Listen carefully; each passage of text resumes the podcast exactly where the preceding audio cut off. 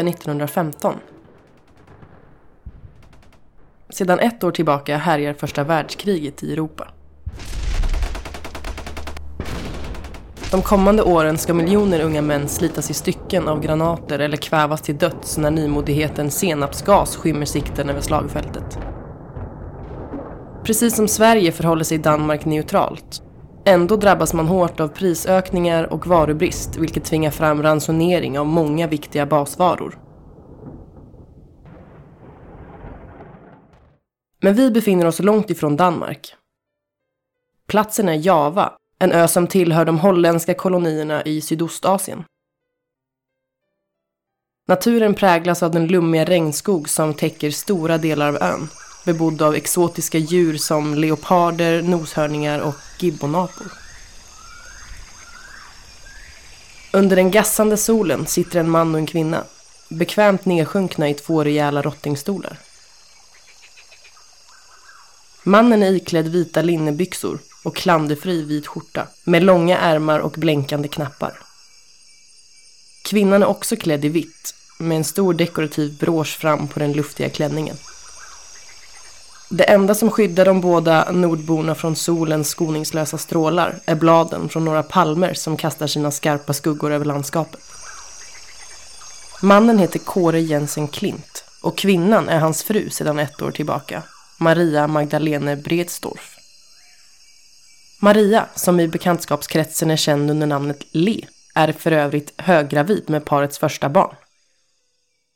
Kåre är 27 år och en av Danmarks mest lovande unga arkitekter.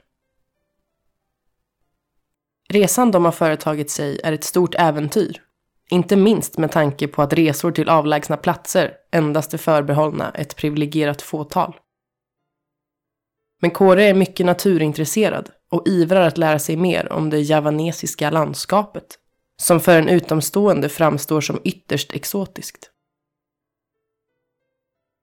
De besöker Borobudur, ett gigantiskt buddhistiskt tempel från 700-talet uppfört på en naturlig kulle i det böljande landskapet. Till sina föräldrar hemma i Danmark skriver Kåre begeistrat. Ni skulle se hur förvånansvärt fint det smälter in i landskapet. Han beskriver vidare hur vacker den är. Dalen som breder ur sig nedanför det magnifika templet. Men resepengarna börjar sakta men säkert ta slut.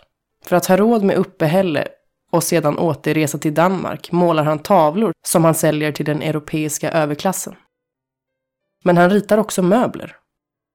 Åt den danske läkaren Knud Gellerup stationerad på ett holländskt militärsjukhus i trakten ritar han bland annat en variant av sin klassiska fåborgstol. Tillverkningen sker sedan hos lokala snickare, helt efter Kåres ritningar. Tiden på Java kommer att prägla Kåre både personligt och yrkesmässigt. Det här avsnittet handlar om mannen som mer än någon annan kom att prägla den danska formgivningen under 1900-talet. Kåre Klint.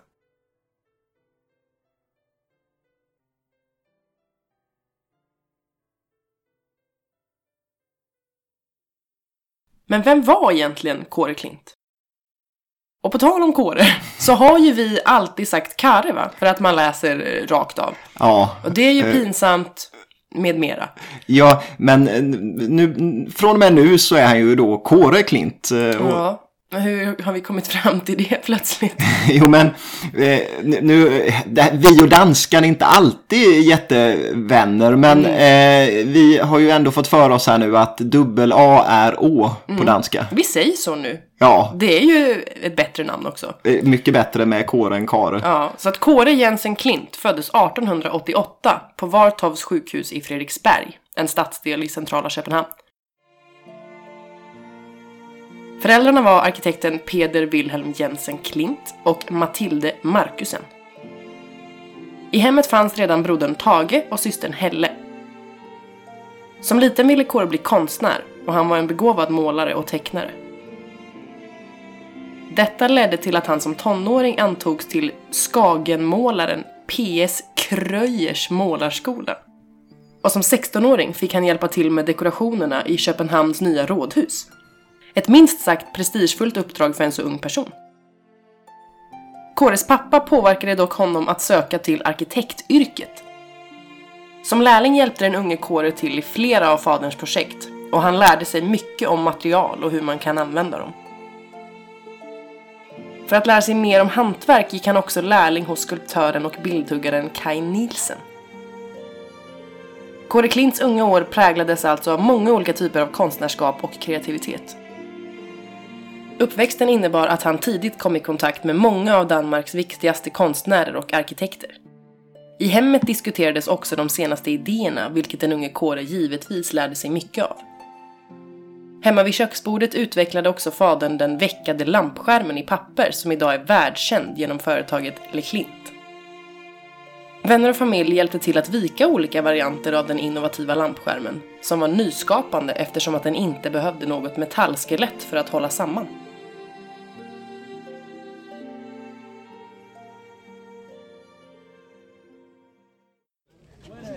Den danska staden Fåborg ligger vid ön Fyns strand, några mil söder om Odense. Trots anor från 1200-talet för den lilla staden genom historien mest en tynande tillvaro. Under den så kallade grevefejden på 1500-talet bränns Fåborg och det tar ett par hundra år innan staden återhämtar sig på allvar.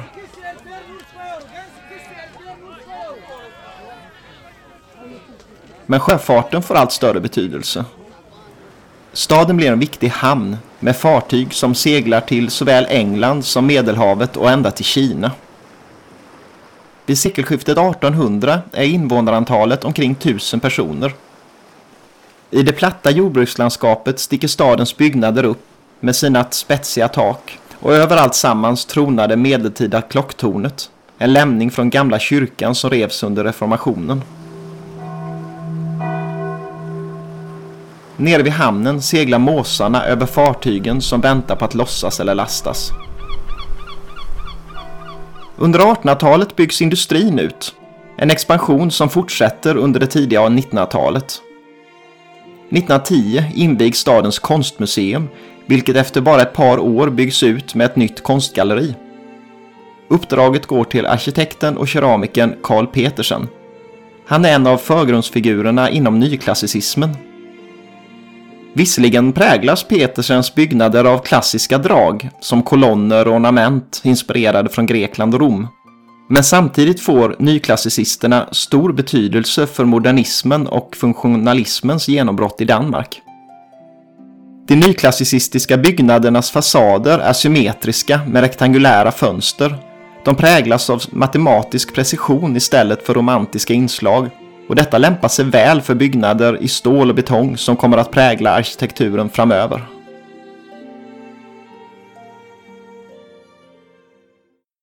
Och Carl Klint började arbeta som assistent till Carl Petersen i december 1913.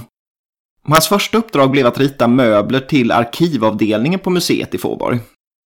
Och sommaren 1914 började Klint arbeta med en ny stol till eh, ett av gallerierna som inspiration till den här så använde han en antik grekisk så kallad klismosstol. Och det var en modell med så kraftigt utåtsvängda ben som nästan såg ut liksom att bångna under den som mm -hmm. satt. Va? Det var som de, nästan lite tecknad stol. Och den, eh, frambenen böjdes framåt och bakbenen böjdes bakåt. Då, Jaha, som säger. att man är väldigt tung? Som man, ungefär som man är väldigt tung. Men okay. det får också en lite mer, ett lättare intryck än bara en stre, stel, stram stol om man mm. säger. Va? Och den här typen av stol, de blev, alltså de är ju antika egentligen, eller från antiken då va, men sen blev de populära på 1700-talet i Europa. Och även då nyklassicisterna, de började ta upp den där modellen på 1900-talet och då blev det väl naturligt kanske efter, på grund av samarbetet med Petersen då som nyklassicist att också Klint började in, in, intressera sig för den här typen av möbler. Och sommaren 1914 då togs det fram en miniatyr eh, av den här eh, fåborgstolen och även en fullskalig prototyp. De byggde ju vidare på den här klismosstolen fast det var ju en klar modernisering. Klints stol, den var, eh, liksom, det viktiga med den var att den var, var lätt så att man kunde flytta runt den. För den skulle stå fritt inne i det här galleriet. Och sen skulle den dessutom inte ta upp mycket plats i rummet för den skulle nästan kännas genomskinlig eh, för att inte störa konsten på väggarna då.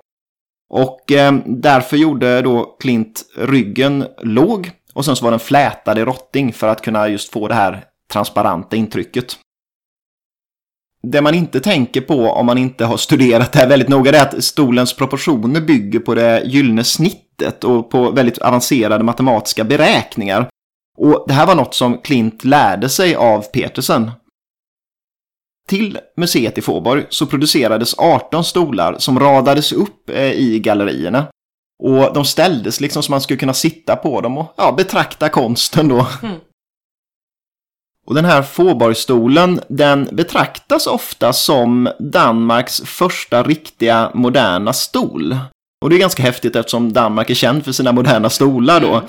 Eh, men alla uppskattade den inte, och det är väl kanske inte så förvånande, för så är det ju jämt. Men arkitektkollegan Paul Henningsen eh, var en av kritikerna, och Henningsen var ju inte så snäll mot sina kollegor och så alltid. Eh, så att i sin tidning Kritisk Revy så hade han en bild på en turnéstol som hölls fram av en hand bara, men ingen kommentar långt senare så sa Henningsen att det var en pik mot eh, Kåre Klint då, för han tyckte att turnéstolen var bättre. Och apropå just då jämförelsen mellan turnéstolen och ehm, eh, eh, Fåborgstolen så sa eh, Henningsen så här. Genom att göra den här stolen fem gånger så dyr, hälften så bekväm och en fjärdedel så fin så kan en formgivare skapa sig ett namn. Så att det var ju ganska dräpande mm. mot uh, Kåre Klint här. Det kan man säga. Eh, Henningsen fick tycka vad han ville. Eh, Fåborgstolen har ju blivit en väldigt omtyckt designklassiker. Och eh, genom åren har den tillverkats av eh, snickeriet Rud Rasmussen. Och den tillverkas än idag. Men nu är det Karl Hansen som tillverkar, de har köpt Rud Rasmussens snickeri så att det är därför de producerar mycket av deras eh, modeller. Och den känns ändå förvånansvärt modern fortfarande trots att det är alltså 105 år sedan Oj. som den formgavs. Så det är ju faktiskt en stol som är antik mm. i ordets rätta bemärkelse trots att det är en modern möbel. Idag, den kostar ju ganska mycket pengar. Eh, I mahogny och läder så kostar den ungefär 50 000 kronor i nyproduktion på auktion så kan man alltid köpa billigare nästan. Och det gäller ju absolut med eh, Fåborgstolen. Som kostar någonstans mellan 10 och 15 000 beroende på skick. Eh, om de inte är sådär vansinnigt gamla. Men sen riktigt tidiga stolar kan ju kosta mycket mer. Och hittade något klubbslag på auktionshuset Philips som hade sålt sex stycken stolar 2015 för 640 000. Mm. Men då är det ju en annan sak för då är de ju tidiga och eh, kanske någon kul proveniens på dem. Under resan till Java 1915 hade förste sonen Espen kommit till världen och tre år senare föds parets andra son Mårten. Men lyckan blir kortvarig. Bara två dagar senare, en oktoberdag 1918, dör hustrun Maria Magdalene i spanska sjukan. Och plötsligt är Kåre en ung enkeman med ett spädbarn och en treåring. Begravningen äger rum den 4 november i Västerskärninge kyrka utanför Svendborg. Noggrant och omsorgsfullt utformar Kåre gravstenen. En stor liggande stenrektangel med text av den danske författaren och nobelpristagaren Johannes V. Jensen. I omvärlden går samtidigt första världskriget mot sitt slut. Den 11 november upphör striderna och den tyske kejsaren Wilhelm tvingas i landsflykt. Enkemannen Klint inleder en ny yrkesbana som sedan kommer att prägla inte bara resten av hans liv utan också hela den danska möbelscenen. Vid 31 års ålder, 1919, börjar Klint undervisa på Teknisk skola i Köpenhamn.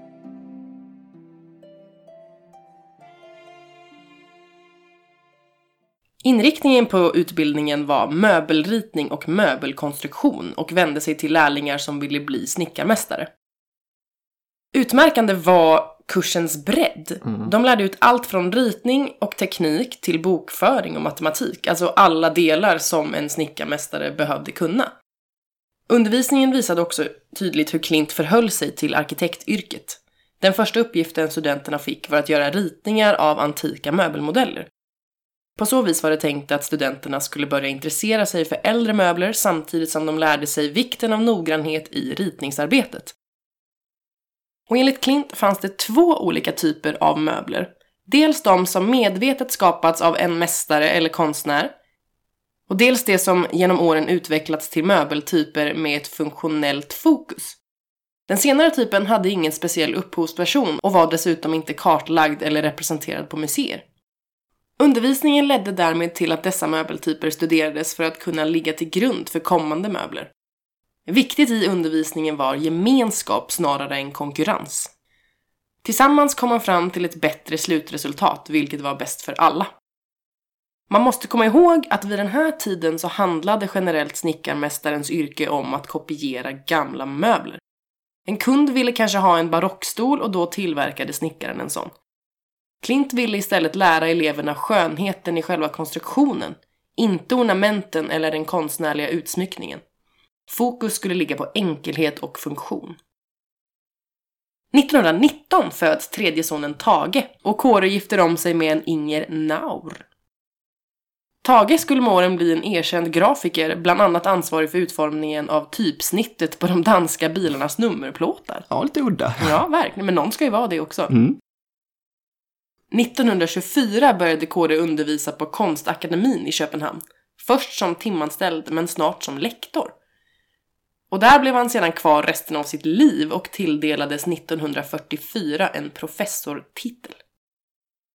Arbetet på skolan präglades av samarbete, inte av en upphöjd lärare som talade om hur saker och ting skulle vara. Det fanns inga klara gränser mellan varken lärare och elev eller de olika årskurserna. Men det fanns inte heller någon klar gräns mellan skolan och Klints egen ateljé. Så här i efterhand kan man såklart se vissa problem med det här. Elevarbeten och examensarbeten fördes in i Klints personliga ateljé och sattes i produktion, men som verk av Klint själv. Han hade visserligen utan tvekan satt sin prägel på möblerna, men rent praktiskt hade det ofta skapats av elever.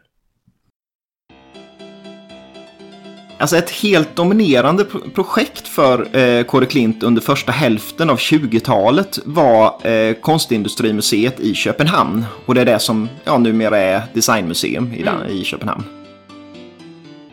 Tillsammans med arkitekten och faktiskt hans svåger också då, Ivar eh, Bentsen, fick han i uppdrag att bygga om det anrika Fredriks hospital till museum. Och den är ju en sjukhusbyggnad som hade uppförts i rokokostil redan 1752, så det är ju i rokoko då, mm. om man säger. Men den hade ju byggts om flitigt genom årens lopp, för den hade ju använts som sjukhus, så det är klart de har byggt på och byggt om. 1910 då avvecklade man det här sjukhuset och för man hade byggt eh, Rikshospitalet istället det här var ju ett stort projekt och det började ju med rent eh, liksom, att bygga om byggnaden. Men till det här färdiga museet 1927 ritade Kåre en av sina mest kända möbler. Och det är stolen som kallas helt enkelt Röd stol.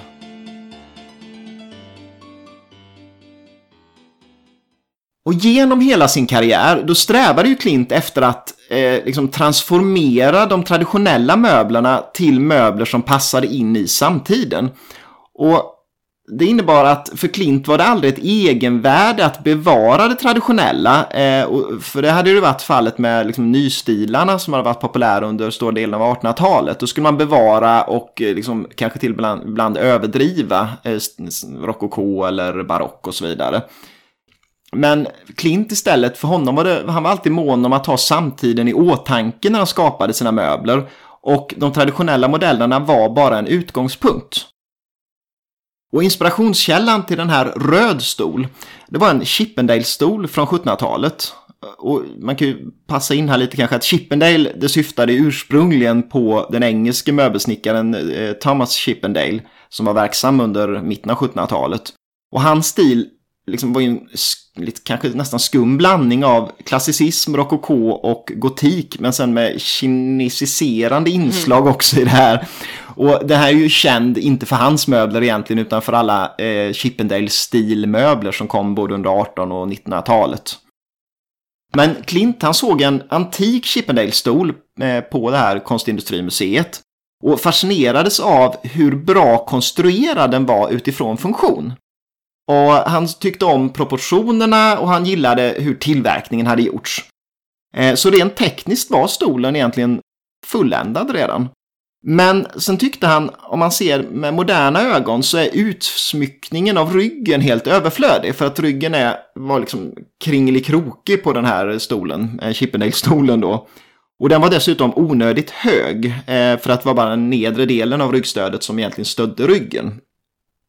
Och det här är ju tydligt hur samtiden och samhället påverkar hur en möbel ser ut. För på 1700-talet var det jätteviktigt för att eh, ornamenten visade ju att den som hade stolen hade också hög status. Men i Klints samtid då menade man ju att samhället skulle vara jämlikt och eh, status skulle inte spela någon roll. Nu var det väl naturligtvis inte så i praktiken men det var ändå där idealen låg. Så därför så fanns det inte i alla fall någon, i teorin i alla fall, någon funktion av de här ornamenten. Så då funderade Klint på hur ska jag lösa det här? Och då hittade han en annan stol från 1700-talet som hade en rygg som var enkel och helt skinnklädd. Eh, men den här stolen hade istället överdådiga rokokoben. Men då insåg ju eh, att ja, men om jag tar ryggen från den här ena stolen eh, och nederdelen från Chippendale-stolen, då får jag fram en perfekt stol för samtiden som går att använda på eh, museet.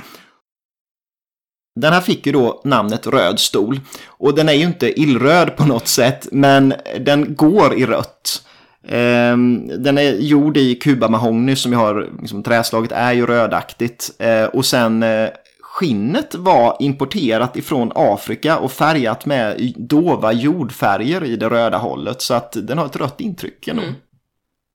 Och Röd stol blev väldigt populär och den visades bland annat på världsutställningen i Barcelona 1929 och eh, har tillverkats genom åren i ett väldigt stort antal av eh, snickerifirman Rud Rasmussen. Och Klint tog också fram en, eh, en mellanstor och en liten variant som var kanske lite mer anpassad för ja, något mindre rum och så. Och än idag finns den i produktion, också den av Carl Hansen nu då. Och det här är också en ganska dyr stol i nyproduktion. Eh, priset ligger på ungefär 35 000 kronor i valnöt. På auktion däremot, då varierar priserna extremt mycket beroende på ålder och, och skick och så. Eh, jag hittade något exempel i Sverige där det var sålt, det var 2017 så sålde Stockholms stationsverk sex stycken ganska nya stolar för 38 000.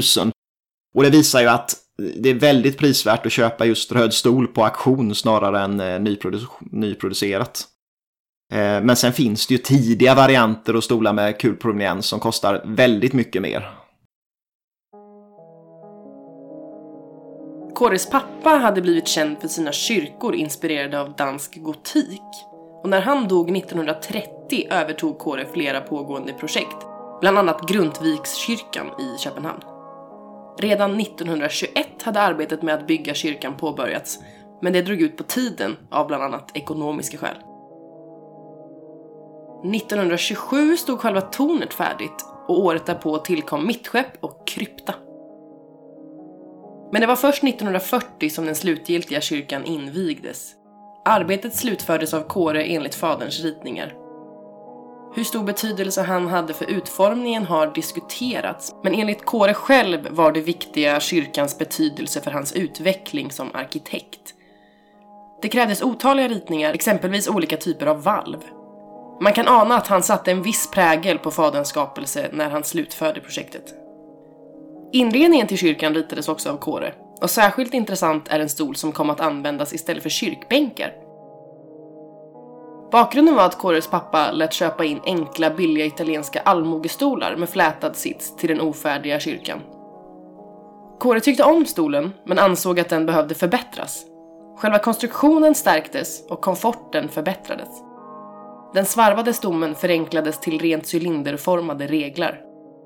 Några andra innovationer var en psalmbokshylla i ryggen och en plats för en väska eller hatt under sitsen. Resultatet kallade han för kirkestolen.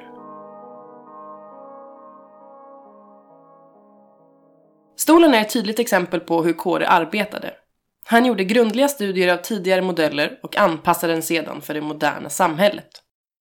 Idag tillverkas Kirkestolen av DK3 och kostar omkring 11 000 kronor. Äldre exemplar tillverkade av Fritz Hansen kostar ofta kring tusenlappen på auktion. Och den har även tillverkats av svenska företaget Jämla. 2019 sålde Stockholms Stationsverk fyra stycken svensktillverkade stolar för 3200 kronor. Så det är ju inte speciellt mycket pengar. Nej, det är en tiondel av vad de kostar i nyproduktion. Så mm. där går det att fynda stolar verkligen. kan man alltid göra. Ja. Ja, som vi har sagt flera gånger nu så påverkade den här resan till Java eh, Kåre väldigt mycket. Och han bar ju med sig de här upplevelserna under resten av livet. Och det här intresset för det exotiska, det syns ju en del av hans möbler och kanske allra tydligast i safaristolen som han formgav 1933. Under den här tiden så hade den amerikanska naturfotografen Martin Johnsons bok eh, Safari, The Saga of the African Blue eh, översatts till danska. Och i den här boken då finns det en bild på Johnson och hans fru som sitter utanför ett tält i varsin safaristol. Och stolen på bilden där, det är en brittisk officerstol som användes av eh, ja, engelska trupper i Indien under 1800-talet men eh, kommer användas även in på, på första världskriget. Typiskt för den här stolen som militären använde det var att den enkelt kunde monteras ner och transporteras inrullad i sin egen klädsel så man kunde stoppa ner den i en ryggsäck i princip. Och den var lätt men ändå stabil och passade utmärkt då även i liksom moderna danska hem tyckte Klint. Redan samma år, 1933, då sattes eh, Kåres eh, safaristol i produktion av Rud Rasmussen. Och jag tror att väldigt många har sett den, för det är ju den som är liksom den här, när man tänker safaristol så tänker man ju oftast på Klints stol. Mm. Och stommen eh, på Klints stol då, den kunde också plockas isär för förvaring, men det gjorde man ju nästan aldrig och det tror jag inte man gör nu heller riktigt. Nej. Och de här stolarna tillverkades i massiv teak eller massiv kubamahogny. Och klädseln och de här remmarna som fungerar som armstöd tillverkades i liksom grovt läder. Och resultatet här blev ju istället en väldigt exklusiv stol och ganska dyr. Eh, och den köptes ju därför mest av designintresserade eller ja, arkitekterna själva då. Ehm, och lite senare kom därför en, en variant i eh, canvas-tyg då istället för att få ner priset en del.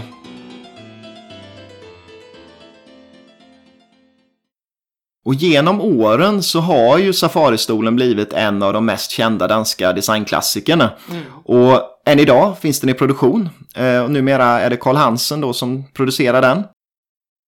Idag tillverkas den i massiv ask eh, och med läderklädsel. Och då kostar den omkring 20 000 kronor. Men på auktion kan den ju köpas billigare, även om den kostar ganska mycket på auktion. Eh, hade något exempel, Stockholms stationsverk sålde ett par för eh, 10 500 2019. Så de kostar någonstans mellan 4, 5, 6, 7 000 beroende på mm. ja, skick. 1943 beslutar sig Kåres äldre bror Tage för att slå mynt av familjenöjet att vika lampskärmar av papper. Mm. Redan som barn hade de ju vikt de här lampskärmarna hemma vid köksbordet tillsammans med pappan. Och de här självbärande skärmarna passade ju utmärkt in i de här moderna danska hemmen. Tages dotter Lisele Klint involverades att vika skärmarna. Och det är också hon som har fått namnge det nya företaget, som då kommer att heta Le Klint. Ja, och det känner vi ju alla till. Ja, det hoppas jag. Ja. Kåre engagerade sig i företaget. Han ritade den klotformade pendeln 101 och mässingsarmaturen 306 som kunde vinklas och därmed antingen användas som bordslampa eller som vägglampa. Mm. Dessutom ansvarade han för utformningen av företagets butik i Köpenhamn. Han formgav varuförpackningarna samt företagets logotyp. Och det är ju inte fel att påstå att Kåre satte sin prägel på det här företaget. Och än idag finns både den här lampan 101 och 306 att köpa från LeClint. 101 kostar mellan 4 500 och 6 000 kronor beroende på storlek. Och 306 kostar strax under 8 000 kronor. Ja, och de här går att köpa på auktion men eh, andrahandsvärdet är väldigt högt på deras mm. lampor så att eh, det är faktiskt en bra investering även om man köper nytt tycker jag. Efter att ha skilt sig från Inger gifte Kåre om sig 1947 med den 20 år yngre bibliotekarien Gerda Hansen. Den 20 april samma år meddelade den danske statsministern i ett direktsänt radiotal att kung Kristian X avlidit. En insamling görs för att låta tillverka en marmorsarkofag åt kungen. Året därpå får Kåre i uppdrag att ta fram ett förslag på utformningen. Och han tog sig an uppdraget på samma sätt som när han formgav möbler. Istället för att stirra blint på hur sarkofager brukade se ut i samtiden så började han studera historiska förlagor. Bland annat så tittade han på gamla kungagravar i de danska kyrkorna, men också i Riddarholmskyrkan i Stockholm. Och även gamla egyptiska sarkofager. Det här arbetet kom att dra ut på tiden. Annat arbete hamnade emellan och inte minst sjukdom gör att tiden går. Sarkofagen är tänkt att stå i domkyrkan i Roskilde och det gjorde arbetet allt annat än lätt för den måste passa in tillsammans med de här övriga sarkofagerna och de tyckte Kåre inte om. Det är ju ett problem. Mm. Sex år efter att Kåre fick uppdraget 1954 är äntligen utformningen färdig. Och under den här tiden har änkedrottningen Alexandrine också avlidit och uppdraget utökats till att även omfatta hennes sarkofag. Den slutgiltiga gipsmodellen stod klar i Klints ateljé, men han själv var för sjuk för att kunna fortsätta arbetet. Hans fru Gerda lät dock meddela att Kåres söner och närmsta vänner skulle se till att de här sarkofagerna blev färdiga. Bara några dagar senare, den 28 mars 1954, så dör Kåre 65 år gammal. Han hinner aldrig se de färdiga resultaten som avtäcktes först 1957.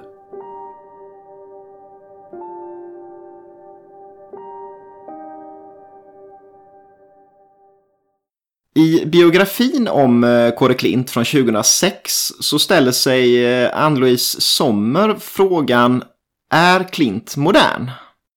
Och det är ju faktiskt en ganska intressant fråga och en befogad fråga. Mm. För att eh, han anses ju å ena sidan då som den här moderna danska möbel möbelkonstens fader. Och den här Fåborgstolen tycker ju många är den första danska moderna stolen och allt det här. Mm. Men samtidigt så utgick han ju hela tiden från antika modeller. Och Röd stol till exempel, det är ju en, liksom en omarbetning av två 1700-talsstolar som gjordes till en, en ny stol.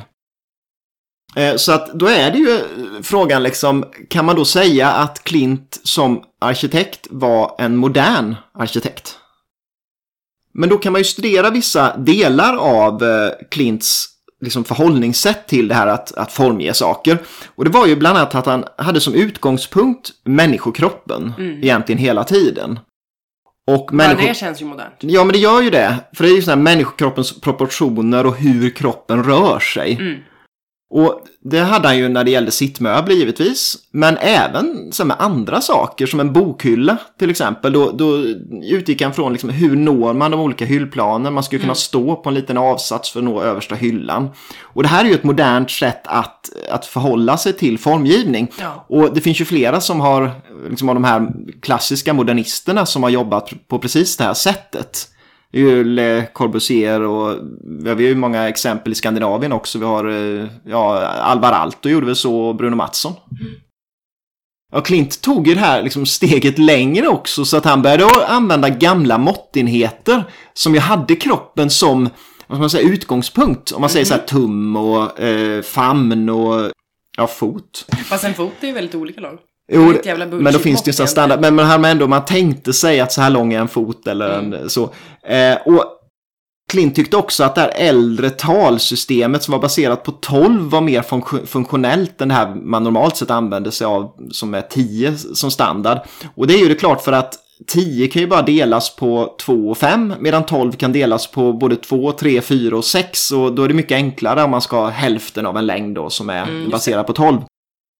Och trots att det här är då att gå tillbaka lite i tiden och använda gamla eh, idéer så är ju det här ett sätt att underlätta standardisering och massproduktion egentligen. Så att på det sättet är det ju på något sätt ett modernt förhållningssätt till formgivning. Ja.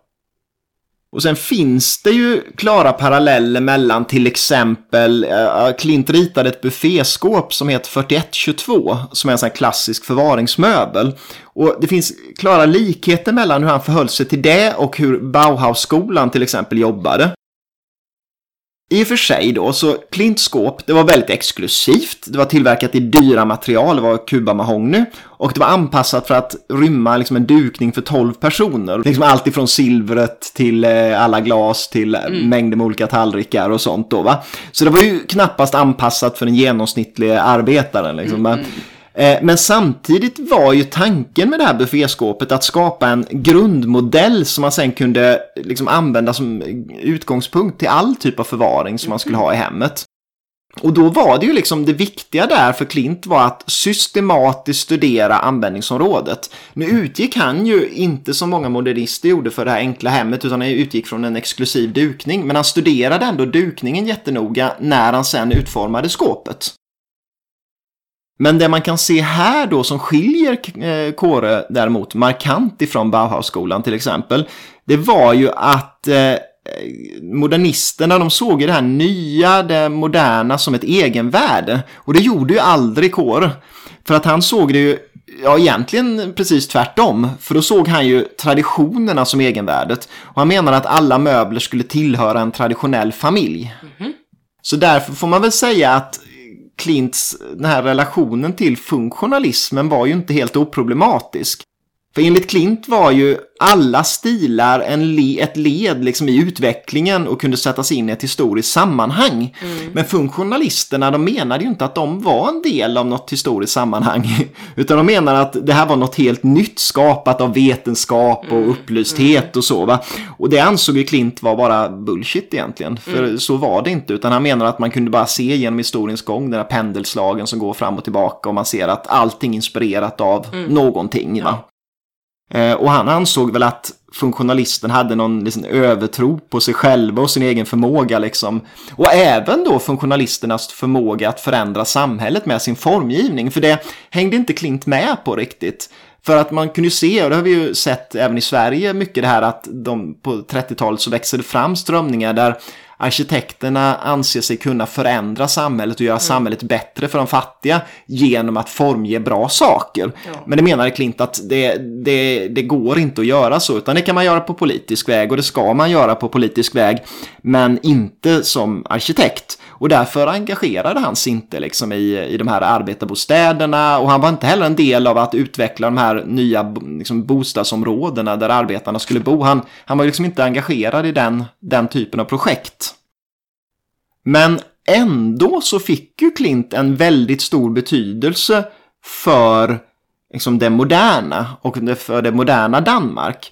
Och det här är ju lite skumt kanske när man tänker på det för att ganska få av Klints möbler hamnade ju i de danska hemmen. Det var ju de som hade råd och de som var väldigt intresserade som kanske köpte.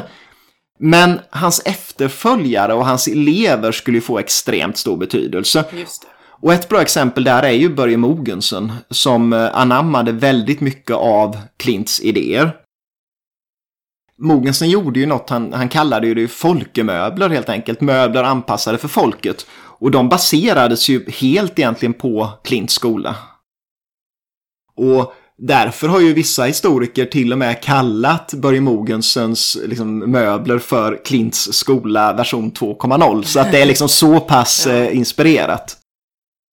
Men eh, av samtiden så kritiserades ju, och särskilt då från modernisternas håll då, va, så kritiserades ju Klint eh, för att helt enkelt mest kopiera det gamla. Och hans arbetssätt präglades ju av det där att noga studera äldre möbeltyper och sen använda dem på bästa möjliga sätt då, ta de bästa delarna och förkasta det som inte behövdes. Och utifrån det synsättet så skulle ju Klint inte betraktas som modern.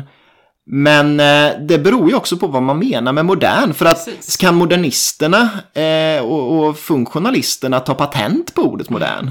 Nej. Det, nej, det blir ju lite fel va. Så att eh, eh, om man ser till hans förhållningssätt till hur man ska undervisa, hur man ska förhålla sig till möbler, då var ju Klint absolut modern. Men sen mm. var han ju ingen funktionalist. Nej. Och eh, det viktigaste är ju egentligen hans undervisningsmetoder som präglades av det här liksom inte konkurrens utan egentligen något samarbete istället. Att han arbetade med standardisering och han tog människokroppen som utgångspunkt. Och utifrån de delarna så, så bör han ju betraktas som en modern eh, formgivare. Ja. Och sen så måste man ju komma ihåg att hans betydelse för till exempel Börje Mogensen var ju så enormt stor. Och med det så är avsnittet om Kåre Klint slut. Ja.